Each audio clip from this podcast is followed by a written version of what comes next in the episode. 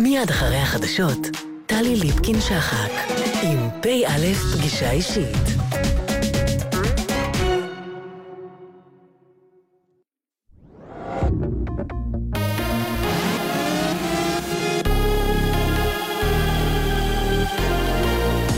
גלי צה"ל השעה שמונה, שבוע טוב, כאן גוני כהן עם מה שקורה עכשיו. חשוד פלסטיני נעצר לאחר שיידה אבנים לעבר ציר סמוך לכפר מרייקה שבאזור החטיבה המרחבית מנשה. כתבנו הצבאי צחי דבוש מוסר שכוחות הביטחון איתרו סכין על גופו של הפלסטיני והוא הועבר לחקירה. השליח המיוחד של הממשל האמריקני לענייני המאבק בדאעש התפטר מתפקידו במחאה על החלטת טראמפ לסיים את הנוכחות האמריקנית בסוריה. התפטרות ברט מקרק, שהיה אמון על הקשר עם בעלות בריתה של ארצות הברית במלחמה במדינה האסלאמית, מגיעה יומיים אחרי ששר ההגנה ג'יימס מאטיס הודיע שיעזוב את תפקידו בעקבות ההחלטה השנויה במחלוקת, ידיעה שהעבירה כתבתנו אינה אנטונוב. הלך לעולמו שמחה רותם, המכונה קאז'יק, אחרון לוחמי מרד גטו ורשה. קאז'יק, שנפטר הערב בגיל 94, נלחם ושימש כקשר בין בונקרים במהלך מרד גטו ורשה. בסיום המרד פיקד על חילוצם של לוחמים מהגטו דרך תעלות ביוב, ובכך הציל את אחרוני המורדים, ואפשר להם להסתתר ביער ובדירות מסתור עד תום המלחמה. נשיא המדינה ראובן ריבלין נפרד הערב מרותם וכתב מי שדימה לרגע שנותר היהודי האחרון בגטו ובוורשה כולה, היה לאחרון הלוחמים שנותר בחיים. תודה על הכל, קאז'יק, אנחנו מבטיחים להשתדל יום-יום להיות ראויים לשם אדם. כך נשיא המדינה, ריבלין. שני מטיילים חולצו הערב ממערה בעומק עשרה מטרים באזור התעשייה עטרות בצפון ירושלים. כתבתנו מיכל צ'ין מוסרת שצוותי הצלה חילצו את השניים בתום פעילות ממושכת לאחר שנתקעו בגלישת סנפלינג. פרקליט המדינה לשעבר, משה לדור, התייחס לחקירות ראש הממשלה וטען כי האפשרות שלא יוגש כתב אישום נגד נתניהו לא ריאלית, כלשונו, לנוכח המלצות המשטרה והפרקליטות. בנוסף אמר לדור, לא יעלה על הדעת שראש הממשלה ירקוד על שתי החתונות, מצד אחד יעסוק בענייני המדינה ומן הצד השני בענייניו האישיים. כל החלטה ביטחונית מדינית שנתניהו מקבל מושפעת מהאינטרסים המשפטיים שלו, כך פרקליט המדינה לשעבר. מזג האוויר בהמשך הערב צפויים טפטופים עד גשמים קלים בצפון הארץ ובמרכזה. אלה החדשות.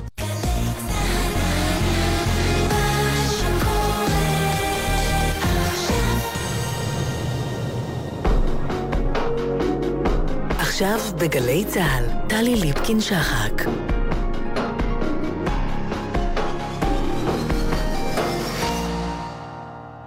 ערב טוב. אנו מביאים בשידור נוסף את התוכנית על אזרחי, בה שוחחה טלי ליפקין-שחק עם האלוף במילואים שלמה אראל, זאת במלאת 30 יום לפטירתו. התוכנית שודרה לראשונה בשנת 2010. האזנה נעימה.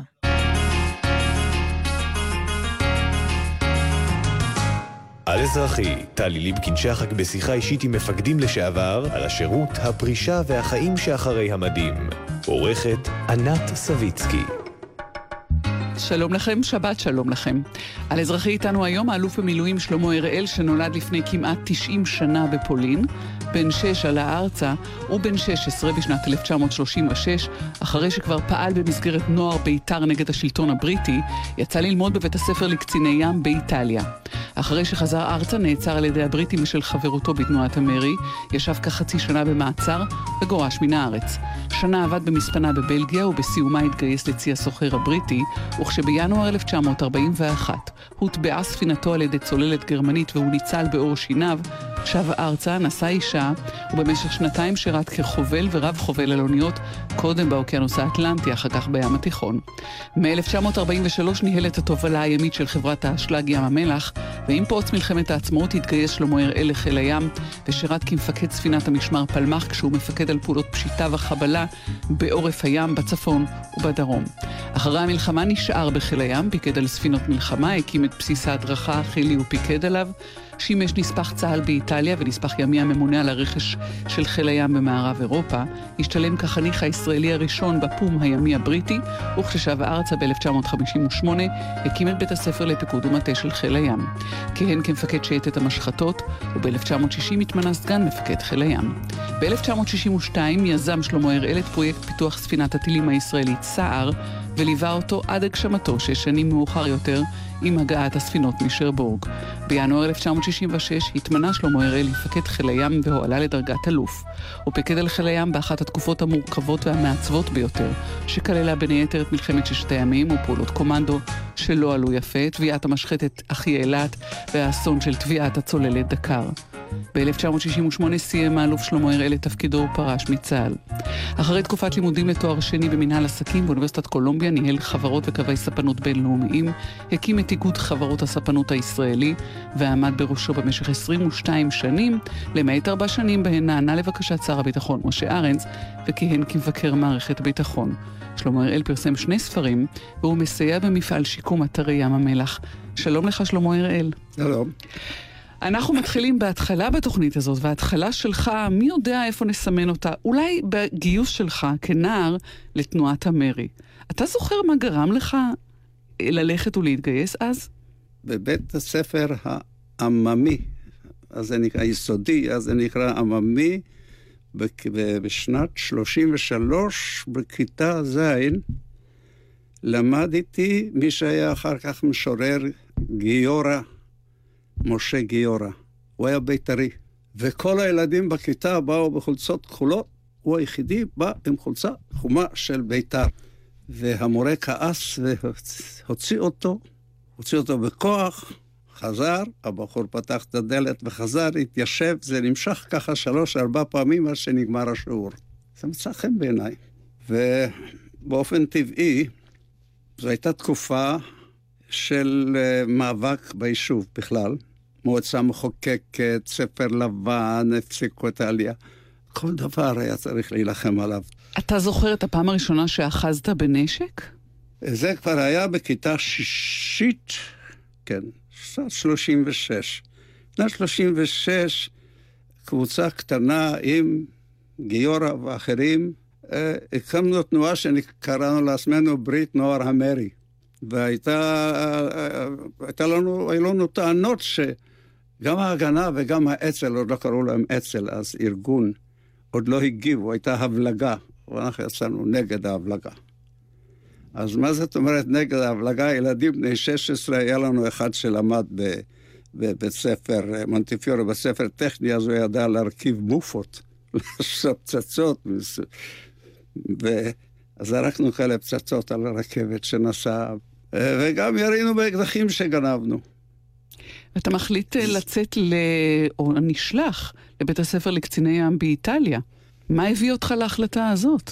אני בניתי את החסקה הראשונה שלי בגיל 13, והים היה אז מלא ספינות מפרש, ספינות מסחר, מרקבים קראו להם. מרחוק בים היו רואים תמיד משולשים גדולים. וזה כל כך מושך אותי. והייתי שוחה או, נוס... או לראות איך זה עובד. ועשיתי מפרס על החסקה. הרבה דברים, אבל יותר מכולם, המורה שלי לאנגלית, שמעון הלקין, הוא היה נשמה של משורר, והוא לימד אותנו כל מיני שירים, שירים של, של טניסון ושל וודוורס. ואני למדתי את השירים האלה בעל פה, אם היית רוצה הייתי מדקלם לך עכשיו. אני זוכר, הוא יום אחד אמר לי, כן, אתה, זה, אתה, אני אראה אותך הולך לים. מפני שכל הספרות הזו, השירה הזאת הייתה מלאה על הים. I must go down to the seas again, to the lonely sea and the sky. ואמרתי לו, אתה תראה. והלכת. והלכתי. התאהבת בים בשנתיים האלה? לא רק שהתאהבתי בים, אני חושב שהים מתאהב בי גם, גם כן. אני... לפני שחזרתי, עבדתי ארבעה חודשים על אוניית הצלה האיטלקית, ומה שלמדתי שם מימאות, אני חושב שלא למדתי בכל חיי.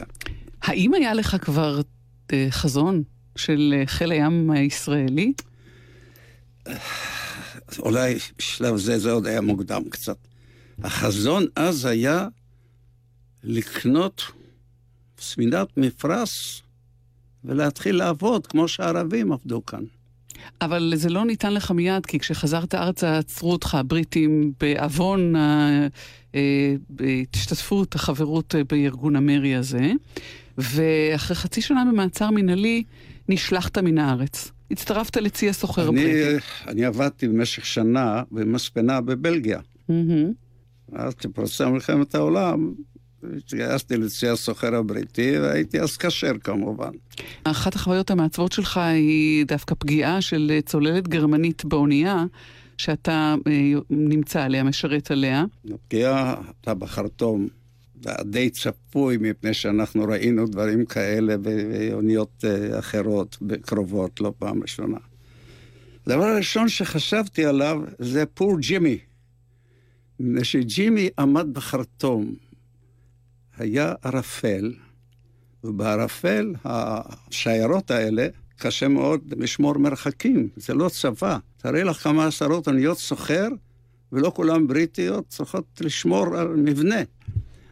ואז נהגו להוציא מצוף כזה עם חבל ארוך, ש...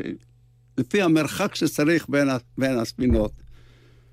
ושמו, ושמו צופה בחרטום שיסתכל על הזה וידווח אם אנחנו מתקרבים או מתרחקים.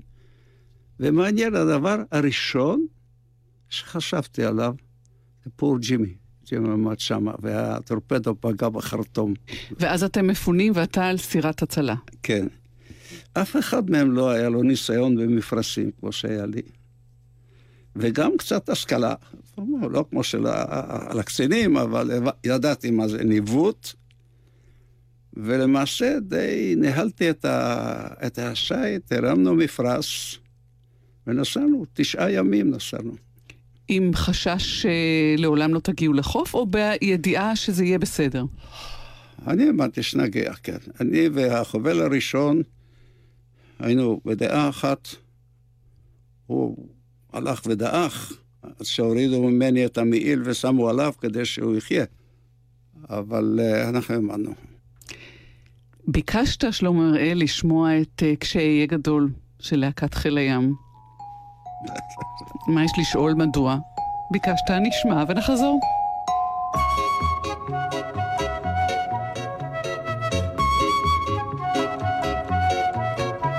המים כחולים, המים צלולים, אצות מטיילות, דגים צוללים, התורן למעלה הדגל מונף, ואני עם מצפן והמון שעונים, יוצא למרחב, למרחב.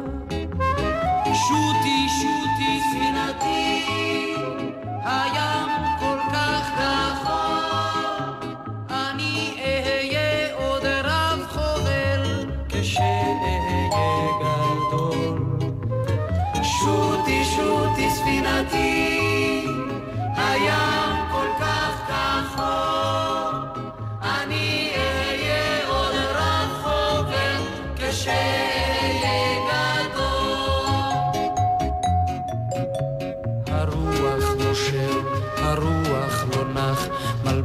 המפרש וכובע מלאך, צוללת צוללת האופק זהוב, ואני עם שייטת וצי ברווזים, מפליג עד אין סוף, עד אין סוף.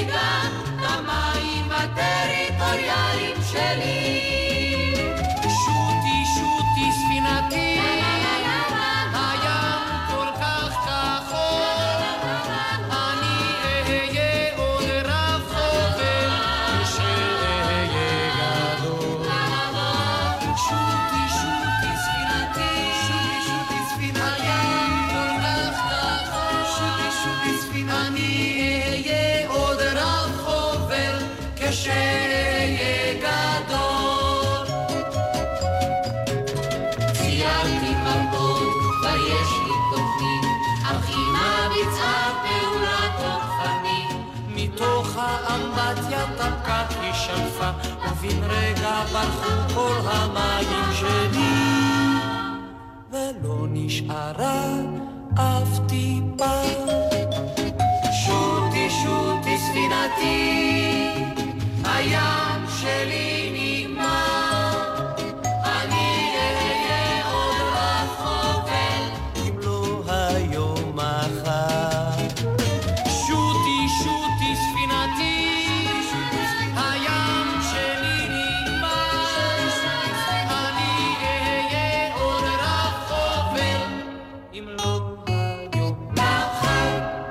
על אזרחי איתנו, אלוף במילואים שלמה הראל, עברת בדרך אל מלחמת העצמאות ואל הקמת חיל הים בחברת האשלג, ים המלח. שזאת מין אהבה, אהבה בסיסית שלך שהולכת איתך עד זה היום. אהבה שנשארה עד היום הזה. אגב, אני פעיל מאוד היום בשחזור המפעל שם, שחזור המזח וככה הלאה בסדום. חייתי שם שש שנים כמעט. מהם חמש שנים עם רעייתי על יד המזח, מפני שהעבודה הייתה ביום ובלילה. העבודה כל כך ריתקה אותי, והיה צריך לעבוד, והיה צריך לעבוד קשה. תנאים מיוחדים במינם בים המלח, ואיך בונים ספינות, ואיך הן מתנהגות וכך הלאה. בהחלט משך אותי, ועבדתי קשה והיה טוב.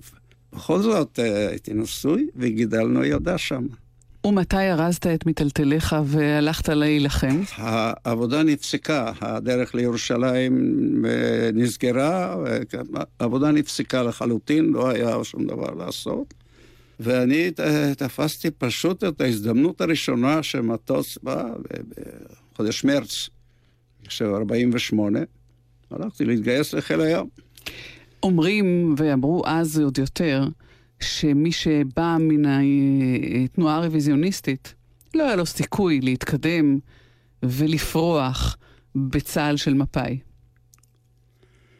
יש בזה משהו, אבל אני לא, יכולתי, לא יכול להתלונן. נכון שאני התייצבתי במפקדת חיל הים, הייתה בסן רמו אז בתל אביב, והצגתי תעודות, והם הסתכלו עליי כעל משהו משונה. לא כל כך ידעו מה לעשות איתי. עוד אני מחכה ל- ל- לשיבוץ בחיל הים, מזמינים אותי אל בגין, זה היה אחרי כיבוש יפו. ובגין אומר לי, אה, אנחנו קנינו אוניית מלחמה, והיא תבוא עם הרבה אנשים ונשק, ואנשינו המליצו עליך, אתה תהיה המפקד שלה, היא תיכנס לחיל הים. אלה הדברים. אנחנו נוריד את הנשק, את האנשים, והיא תיכנס לחיל הים. כשאני התחלתי לשאול איזה מין אוניית מלחמה, ראיתי שהוא לא יודע, לא יודע כלום. ואני אמרתי לו, אבל אני כבר התגייסתי לחיל הים, אז הוא אומר, זה בסדר, no problem. הוא, הוא לא ידע, באותו זמן לפחות הם לא ידעו, בינתיים נקראתי לחיפה וקיבלתי את הפיקוד על הספינה פלמח. הספינות שהיו של הצי הבריטי ואחר כך עברו למשטרה הבריטית, ספינות שלמעשה צדו את המעפילים, והן נמסרו לעיריית חיפה. ואני באתי עם קבוצה של נערים בתור הצי של עיריית חיפה. אני מופיע שמה, ועומד שמה סרג'נט בריטי זקן, הוא בא מהנייבי, עבר למשטרה, הוא מסתכל ואומר, I say you were one of us, I hated what we were doing, take this one. קח את הספינה הזו, פלמה, הספינה הכי טובה, הכי טובה, שעשתה עבודה פנטסטית. וככה לא נהיית מפקד אלטלנה. וככה לא נהייתי מפקד אלטלנה. זה, זאת מלחמת העצמאות, ואחר כך מקימים את חיל הים, ויש תהליך של הקמה ותהליך של גיבוש תורה, וברור מראש שזה הולך להיות חיל קטן, נכון? כן, טוב. הרבה זמן לא היה לי ברור שום דבר. לא היה ברור מאיפה הרגליים צומחות. אני חושב שהייתי חלק מקבוצה לא גדולה של ימאים מקצועיים שידעו להפעיל כלי שיט. לי הייתה ספינה, ולא כך ידעתי מאיפה יביאו לי אוכל, ואיך אני מארגן צוות. היה לי צוות הכי קטן של נערים, וכל מי שהרגיש לא טוב או לא רצה לעבוד, שלחתי אותו. לאט לאט ארגנתי לי צוות. ובינתיים מפקדת חיל הים הגיעה לחיפה, עברה לחיפה, התחיל להיות איזשהו סדר, מישהו היה בא ונותן לי פקודה, תפליג מפה, תפליג לשם. לא היה, במשך כל תקופת מלחמת, המלחמה, לא הייתה לי הזדמנות מיוחדת לחשוב יותר מדי על מה נעשה מסביב. בשלהי המלחמה שלחו אותי, נסעתי לסדום לכבוש את עין גדי. בזמן מבצע עובדה, אתה משה דיין ויגאל ידין היו ברודוס, ניהלו משא ומתן, ושם אני מבין שהוסכם שקווי שביתת הנשק יהיו הקווים אה, ש... אה, שבהם הכוחות נמצאים. ובאו הוראות מהר ללכת ולקחת את אילת, אז זה היה, כולם יודעים על מבצע עובדה והחטיבות שירדו לאילת, היה מבצע עובדה קטן, מישהו נזכר אה, שאני עבדתי שם בסדום ומכיר, ומכיר את התנאים ואת הספינות, ושלחו אותי ברגע שנפתחה הדרך מבאר שבע לסדום, נפתחה איזושהי דרך, ירדתי לשם, ארגנתי כמה ספינות, והכוח של אלכסנדרוני, עם הרבה ביצורים, עם עשר פרדות, you name it. ועשינו נחיתה, לא, אף אחד לא ידע מה יש בעין גדי. היו קצת בדואים, לא היה שום דבר. זהו. זה מה שקבע את הקו הירוק. אחרי המלחמה מקימים חיל עסקתי בהפעלת כלי שיט. העבודה של הפעלת הכלים עצמם הייתה בשבילי, מילא אותי לגמרי. אחר כך מפקד הקורבט ההגנה, מפקד הפרגטה. זה, זה רק אחרי מפקד פרגטה, אחרי שהפלגתי לארצות הברית, ואחר כך הפלגתי, היינו ברעידות אדמה ביוון בשנת 53, התחלתי להסתכל מסביב, להבין. הגעתי לדרגת אלוף משנה, ורק אז התחלתי לראות באמת, להיכנס ל, ל, לתחום הזה של חשיבה, מה תפקיד חיל הים ומה עתידו. וגם אני מוכרח להגיד ש, שבינתיים רוב האנשים, שהייתי אומר עסקני חיל הים, זה לאט לאט אה, נעלמו או שהלכו ללמוד וכך הלאה. נכנסתי באמת לתהליך של חשיבה. איזה מין כלי שיט אנחנו צריכים, איזה מין חיל ים, מה המשימות שלו וכך הלאה. ו... ודי במשך גם באותה שנתיים שהייתי נספח צה"ל באיטליה ונספח ימי לכל מערב אירופה, כמעט שזעזרקו אותי מחיל הים, הסתכסכתי. מפני שחלקתי על כל מיני דברים שחשבתי שלא עושים נכון. אה, זהו, אבל אה, בתום שנתיים אה, נפתחה הזדמנות ראשונה ללמוד בקורס של פיקוד ומטה בשיא הבריטי. ביקשתי וסמכו. אני חושב שהיה מי ששמח שאני אשאר עוד שנה בחוץ לארץ. לא היה שלב, שלמה אראל, שחשבת שאולי אתה פשוט אה, צריך לעזוב את הצבא וללכת לעשות דברים אחרים. שאני צריך מה? לעזוב את הצבא וללכת לעשות דברים לא אחרים. לא חלמתי על זה בכלל, מה פירוש? לא, זה היה לי ברור שעתידי בחיל הים, לא, לא, היה לי ברור. היה ברור לגמרי. עד כמה היית מודע לאיומים של התווך הימי, כמו שקוראים לזה היום? המטה הכללי, שהיה כולו ירוק, תמיד ירוק, כן? הוא, אמרו פשוט מאוד, יש מלחמה קצרה.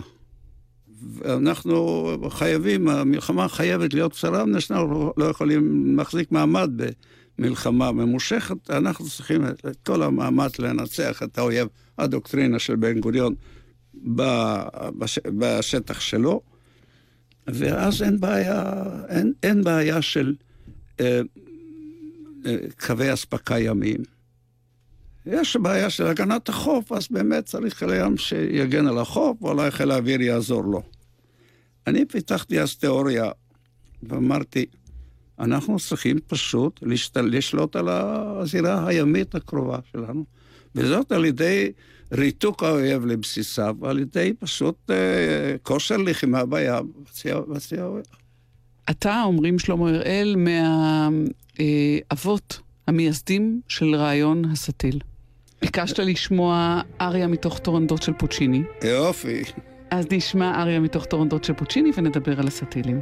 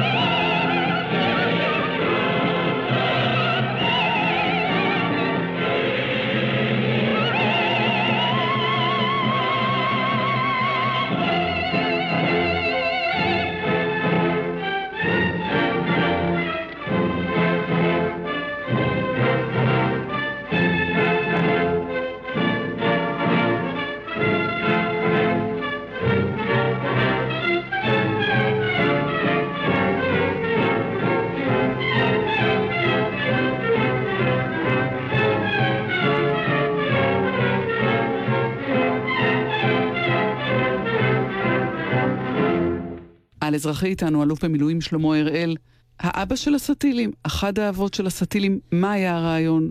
למעשה, לא הייתה בחיל הים עד תחילת שנות ה-60, לא היה פתרון סביר לשאלת השליטה בים, לשאלת, למצב של העליונות של המצרים בים. מה שהיה לנו למעשה, כמעט כולו הוכתב על ידי חבר'ה שישבו באמריקה וקנו, שמעון פרס ואחרים, קנו פרגטות, קנו קורבטות. למעשה, אנחנו, חיל הים מתקיים על עודפים של הצי הבריטי, מבלי לחשוב הרבה. זה היה זול, זה היה, זה היה הדבר היחידי שאפשר להשיג. ואני בעצמי, כשהייתי מפקד השייטת הגדולה שקראו לה, פרגטות וקורבטות, עשיתי כל מיני ניסיונות לפתח תרגולת, לפתח תורת לחימה, שיהיה בה משום, שיהיה בה איזשהו סיכוי להתמודד עם הצי המצרי, שכבר היו לו הרבה משחטות, והוא כבר היה רוסי וככה. אי אפשר לומר שלא הייתה חשיבה בחיל הים. הייתה חשיבה שבה הלוחמה הזהירה הייתה דומיננטית. ולמעשה הקונספציה של לוחמה זהירה שלטה בחיל הים. ולמעשה התייחסו גם לכלי השיט שנקנו, בכל זאת משחטות, אמנם ישנות, אבל משחטות זה לא פרגטות, וגם צוללות. ראו בהם קודם כל אמצעים להובלה של אמצעי לוחמה זהירה. אני הגעתי למסקנה ברגע שהתמניתי לרמ"ח ים, למעשה ראש המטה, תחת פיקודו של יוחאי בן נון, עשיתי הערכת מצב, והגעתי לפתרון של הסטילים, לא אישית, לא בעצמי. כתבתי את כל תהליך החשיבה, הייתה לי קבוצה של אנשים נהדרים, והגענו למסקנה, והבאנו אותה. יצחק רבין, רמטכ"ל, קיבל את זה, שצריך במקום כל הכלים, כלי השטח של חיל הים, הסטילים, אה, המשחטות וספינות הטורפדו, במקום כל זה 12 ספינות טילים. יש האומרים שהביצועים הלא מאוד מרהיבים של חיל הים במלחמת ששת הימים קשורים לעיסוק המרכזי בפרויקט הסטילים, בהסטת האנרגיות, הכוח אדם, תקציבים לזה, על חשבון האיכויות האחרות, וזה היה לרועץ. אתה מסכים עם זה? במידה רבה זה נכון. קודם כל, נזכור, הערכות המצב המטכ"ליות היו של, היה תוכנית התעצמות עד 68. אף אחד לא חיכה ב-67. זה גם לא משנה. היה צריך להשקיע את האנרגיות בחיל הים החדש, אין ספק. ואני ודאי שקיבלתי את כל האחריות על זה. ונתפסנו עם חיל הים עם רגל אחת שמה, שבונים את חיל הים החדש. לפי התוכניות המקוריות הוא היה יכול להיות כבר, ב... אבל הייתה בעיה עם הגרמנים ואיבדנו שנה, וכל העניין של מלחמת ששת הימים בא בהפתעה. אני רוצה לשאול אותך על מלחמת ששת הימים. אתה חבר במטכ"ל שהיה די להוט למלחמה הזאת בסך הכל. זה נכון שהמטכ"ל היה להוט. מה, מה פירוש להוט? המטכ"ל לחץ על הממשלה לפתוח מה שיותר מהר במלחמה, בגלל זה שחשוב שככל שיעבור יותר זמן, תהיינה יותר אבדות, יהיה יותר קשה. התברר שזה לא ככה, זה התברר שזה בדיוק להפך. המצרים איבדו את העשתונות, אבל זה אף אחד לא ידע. ההוכחה הטובה ביותר הייתה שמחיל הים ביקשו להנחית בלילה הראשון. מלחמה נפתחת בשמונה בבוקר, חיל האוויר, ועם חשיכה חיל הים צריך להנחית צוות קרב משוריין מערבה מאל עריש, משולב עם הצניחה של החטיבה של מוטה, החטיבה שהלכה לירושלים, כן? מפני שלא חשבו שאפשר יהיה קל להבקיע את המערך בצפון סיני. והוחלט על פעולה נועזת, פעולה אפילו הייתי אומר בלתי אחראית, עם מה שהיה לחיל הים להגן על זה. עם מה להנחית היה לנו, זה סיפור בפני עצמו, מפני שאשכול היה צריך לדאוג שיהיה עבודה למספנות ישראל. אז, אז היה עם מה להנחית, אבל לא היה עם מה להגן על זה. הייתה לי משחטת אחת ביום הראשון. וזו ההוכחה הכי טובה לכך שהמטה הכללי חשב, אני לא מוכרח, שייקה הגביש אולי היה יותר בטוח, ובוודאי שמוטי קוד. אבל סך הכל חשבו שזה קשה, ורצו מחיל הים שיעשה דבר שאסור היה לעשות אותו. אני חושב שאני לא הייתי בסדר, שאני הסכמתי, ואף אחד לא שאל שום שאלות. מה יהיה עם הסטילים המצ... המצריים בפורט סעיד? יטביעו לך את כל העסק. זה, זה לא כל כך אחראי. אבל זה היה חשוב, וחשבו שלא יכולים להבקיע אחרת. מה שקרה למעשה זה שב-11 בבוקר וטלפן אה, רבין אומר, די, אנחנו כבר ניצחנו את המלחמה, כבר לא צריך כלום. היה לך רגע אחד של צורך לקבל החלטה מאוד קשה, מאוד קשה פיקודית, מבצעית. מה קרה?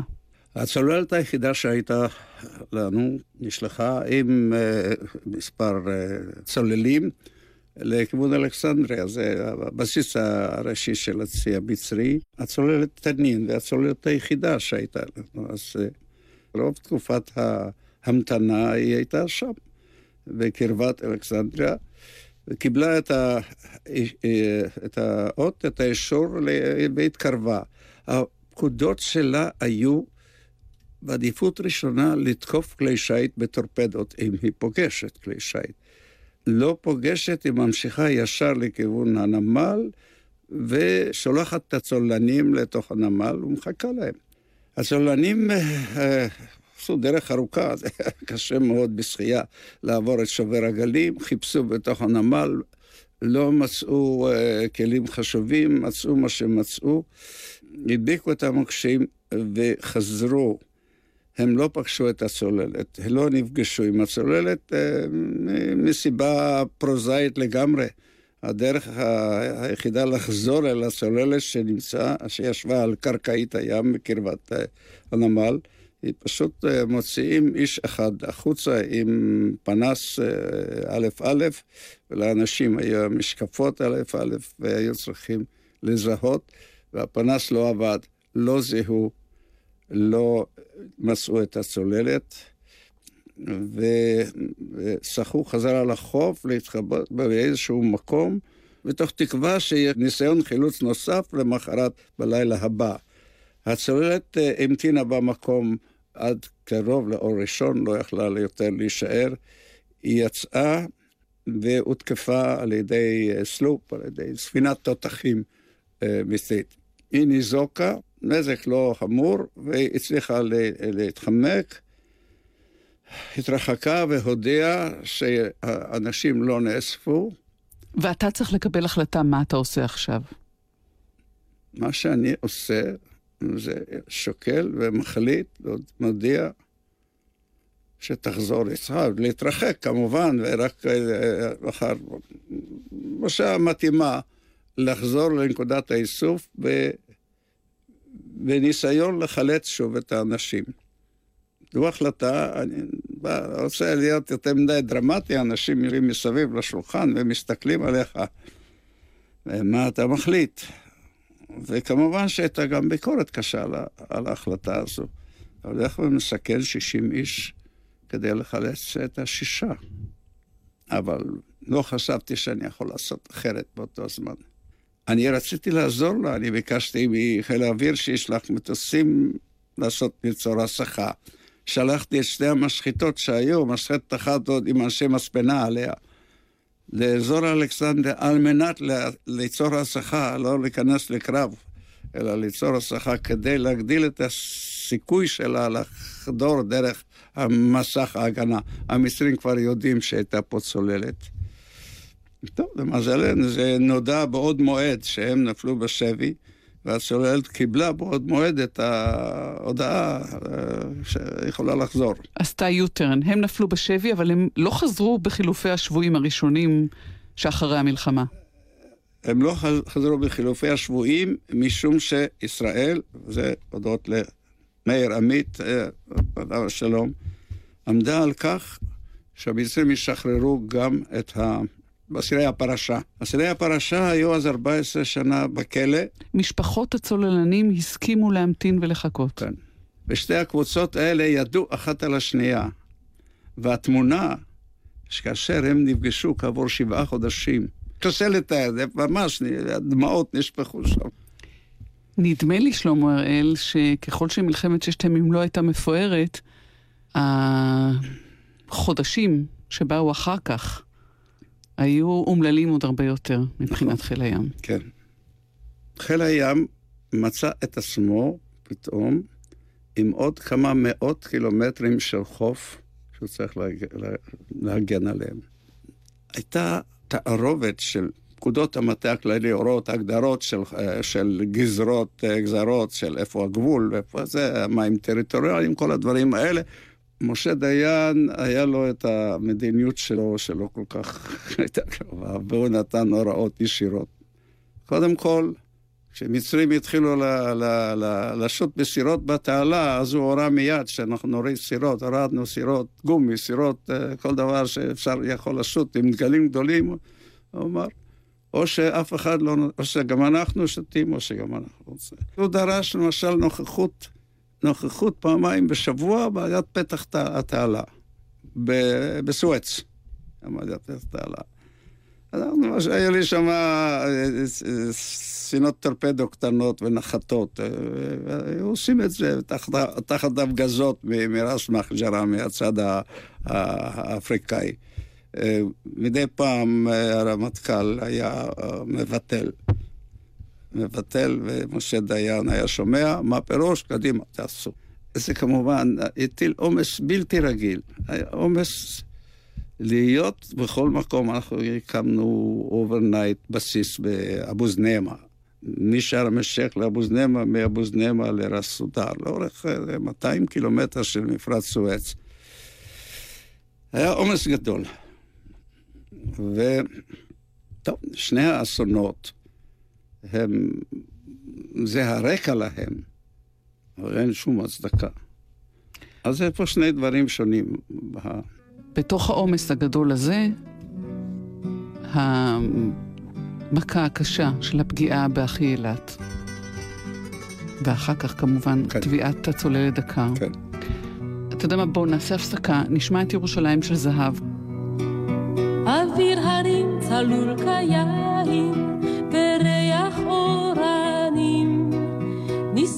ברוח הארבעים עם כל פעמונים. ובתרדמת אילן ואבן, שבויה בחלומה. העיר אשר בדת יושבת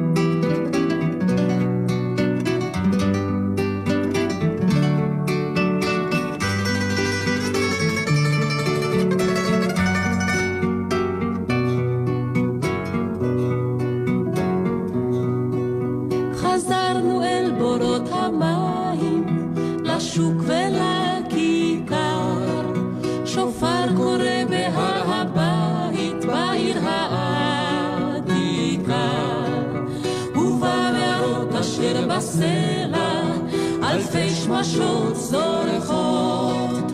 נשוב נרד אל ים המלח בדרך יריחו. ירושלים של זהב ושל נחושת ושל אור,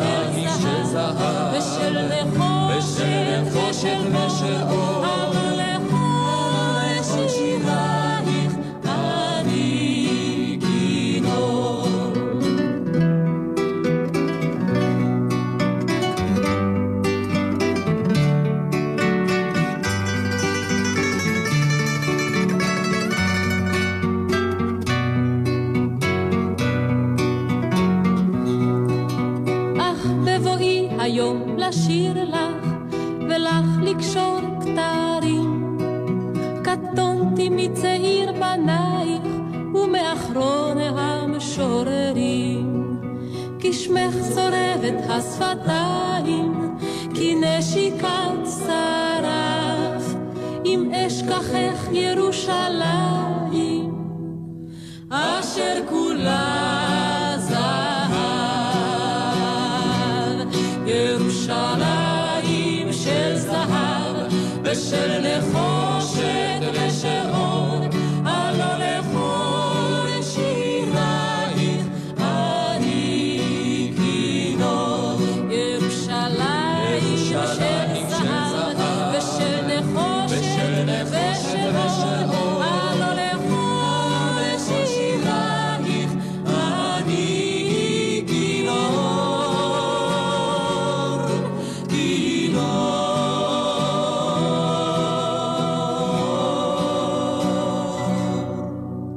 על אזרחי איתנו, אלוף במילואים שלמה הראל. אני רוצה לחזור לאחי אילת. כן. מה מרגיש מפקד חיל הים כשאסון כזה פוקד אותו? לא יודע, אבל להגיד לך מה, מה מרגיש. קודם כל הוא צריך לעשות, אז אה, אה, אין פה... הרגשה, את, ה, את מה שמרגישים צריך אה, איכשהו להחניק, להדחיק.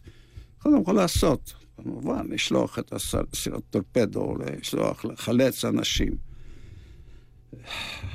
זו שאלה, זו לא שאלה לגיטימית. אתה רוצה לדעת מה זה, מה מרגיש? מרגיש נורא. מרגיש נורא. אז נוסף לזה, היה טע- טעות במודיעין. במודיעין קיבלו מידע שעות לפני זה על מצב החן בפורט סעיד. אפילו קלטו מברק ש... שאמר, אם היא תיכנס עוד פעם, אותה. היו הרצות, הם עשו תרגולת, והאונייה עשתה, הלכה, לא חזר על אותו קו, עד שהיא תגיע עוד פעם למקום הזה, תטביע אותה. כל זה נקלט ולא הועבר לחיל הים. התוצאה 47 הרוגים, למעלה מ-100 פצועים. אחי אילת. ואחר כך, שלמה הראל, אחר כך דקר. שהאם תוכל להגיד לי ממרחק הזמן, איך חיים עם החור הזה? עובדה. קודם כל, ה... איך חיים עם זה עד ההחלטה להודיע שהיא עבודה. עשרה ימים, 12 יום, קודם כל, איך חיים עם זה. אנחנו כמובן חיפשנו עם כל מה שהיה. כל מה שהיה, סוחר, והבריטים, האנגלים מקפריסין, אחרי ארבעה ימים אמרו, "אה, אין מה לעשות יותר.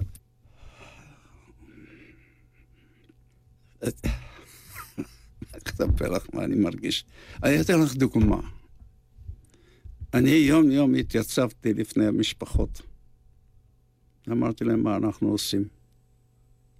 סורקים פה, סורקים את כל הים. אנחנו קודם כל, פקודה שהגיש, לי מפקד השייטת לאישור פקודת ההפלגה, היה הדיווח הרגיל פעם ב-24 שעות. זה היה הנוהל של הנאצי הבריטי. אני לא יודע להסביר למה, אמרתי, אני רוצה כל שמונה שעות. פה הייתה השידור האחרון שלה, ואחרי זה לא בא. ואני צריך לעמוד בפני המשפחות, ופשוט בצורה הכי יבשה, להגיד להם, היא צריכה להיות כאן, היא כאן הייתה צריכה לטבוע. ואנחנו לא יודעים, ואנחנו מחפשים, ואנחנו מחפשים. והתחילו לבוא השערות. לא רק השערות, כל מיני ידעונים, ראו אותה פה, ראו אותה שם. צריך לעמוד נגד כל העסק הזה. עכשיו, באמצע החיפושים האלה מגיעה דולפין. נרכשה עוד צוללת. היא הייתה בהפלגה על-מימית, שלא הייתה כשירה לצלילה, עם צוות קטן, והגיעה. וקודם כל, על הכרמל, מי שהוא ראה, וזו השמועה נפוצה בחיפה, דקר. עצם הרכישה הייתה סודית, ולא הודיעו מפני שהיא לא הייתה כשירה לצלילה, היא לא יכלה להתגונן, שלא ידעו, אז לא הודענו עליה. זו הייתה שגיאה, היה צריך להודיע קודם. ואנחנו עומדים בנמל, המשפחות, והצוללת הזו נכנסת ומתקשרת, ויוצאים הבחורים, חיוורים, רוצים להתחבות באיפשהו, הם יודעים. והם עולים על הרציף, ועל כל אחד אתה רואה את האימהות נחשות להסתכל, לנסות לזהות. ופתאום מישהו צועק, מה זה? נכנסה דקר, יצא דולפין? מה מספרים לנו פה?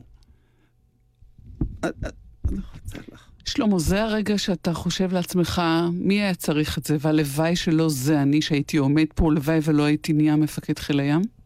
לא. לא. בשום פנים ואופן לא. אני ידעתי איזה חיל ים אני בונה. זה היה כל החיים שלי. אני רוצה להגיד לך, אני למדתי בקולומביה, כתבתי, ועל כל ניסוי שהיה ועל כל דבר ש, ש, שהתבצע, החבר'ה שלחו לי מכתבים. שלחו דרך השגרירות ודרך הדואר הדיפלומטי, צריך לספר לשלמה, צריך לספר לשלמה. במלחמת יום הכיפורים סגרת מעגל.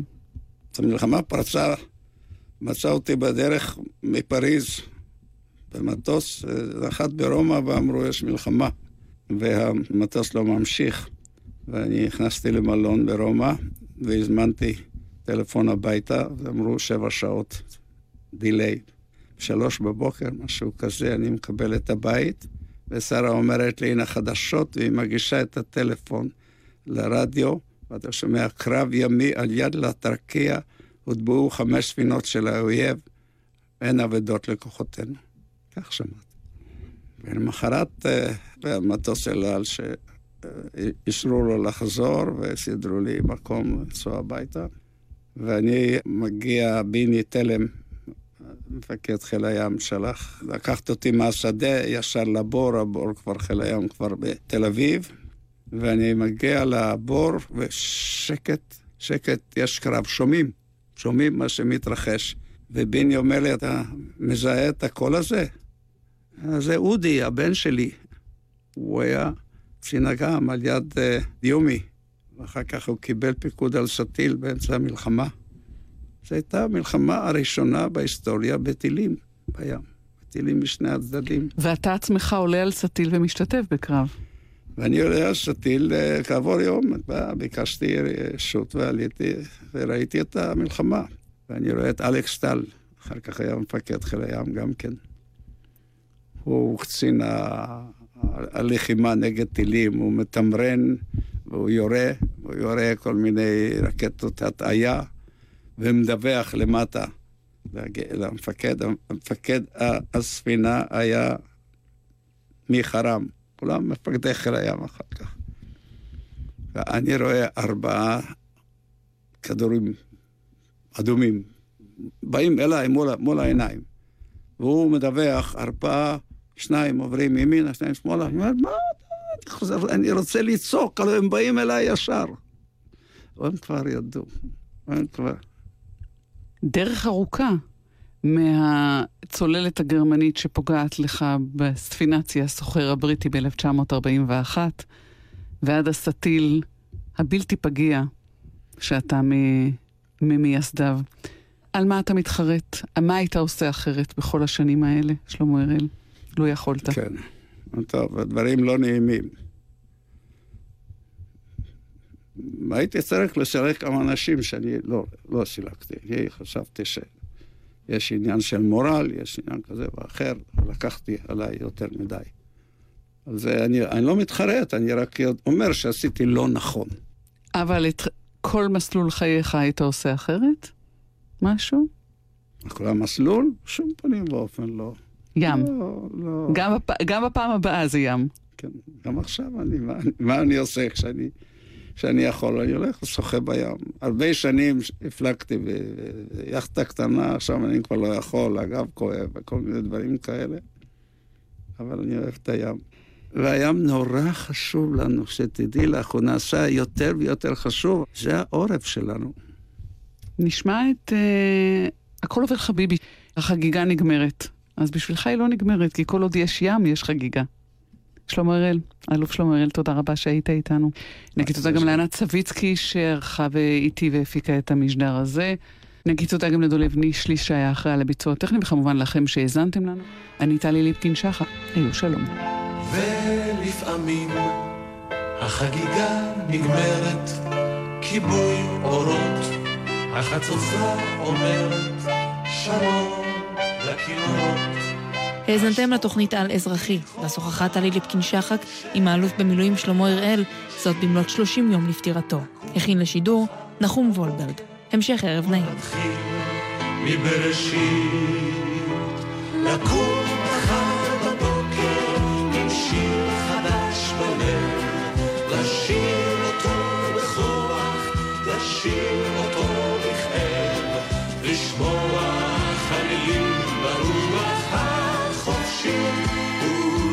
ולהתחיל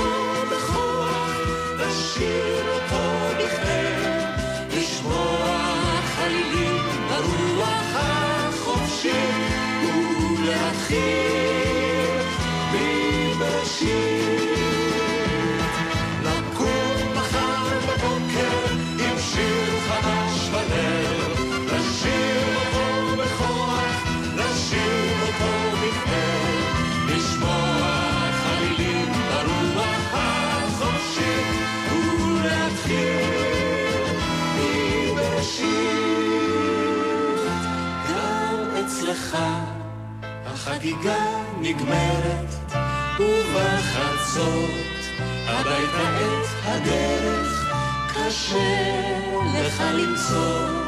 מתוך החשיכה אנחנו מבקשים לקום מחר בבוקר ולהתחיל מבראשית.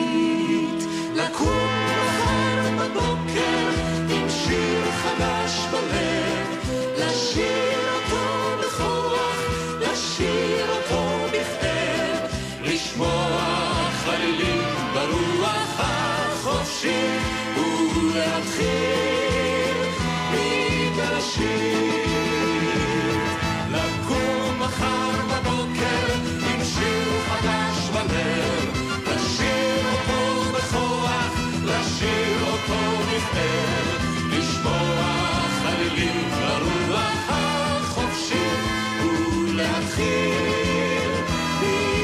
אתם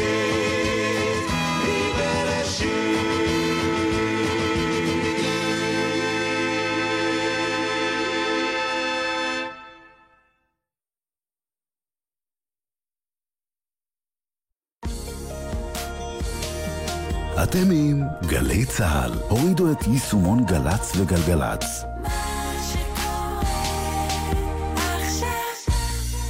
אתמול חצה ילד את הכביש במעבר חצייה, ונהג שלא נתן זכות קדימה כמעט דרס אותו. מחר זה עלול להיות הבן שלכם. תודה לאלפי שומרי דרך, שבזכותם זה לא יקרה. המתנדבים במיזם שומרי הדרך מתעדים בזמן אמת עבירות תנועה מסכנות חיים, והן מדווחות לרלב"ד ולמשטרת ישראל. עד היום נקנסו והועמדו לדין אלפי נהגים עבריינים. הורידו גם אתם את יישומון שומרי הדרך של הרשות הלאומית לבטיחות בדרכים, ויחד נילחם על החיים של כולנו.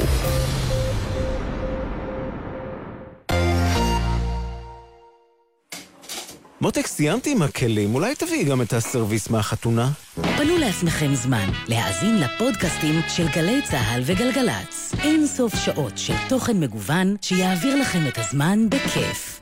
חפשו את ערוץ הפודקאסטים ביישומון גל"צ גלגלצ.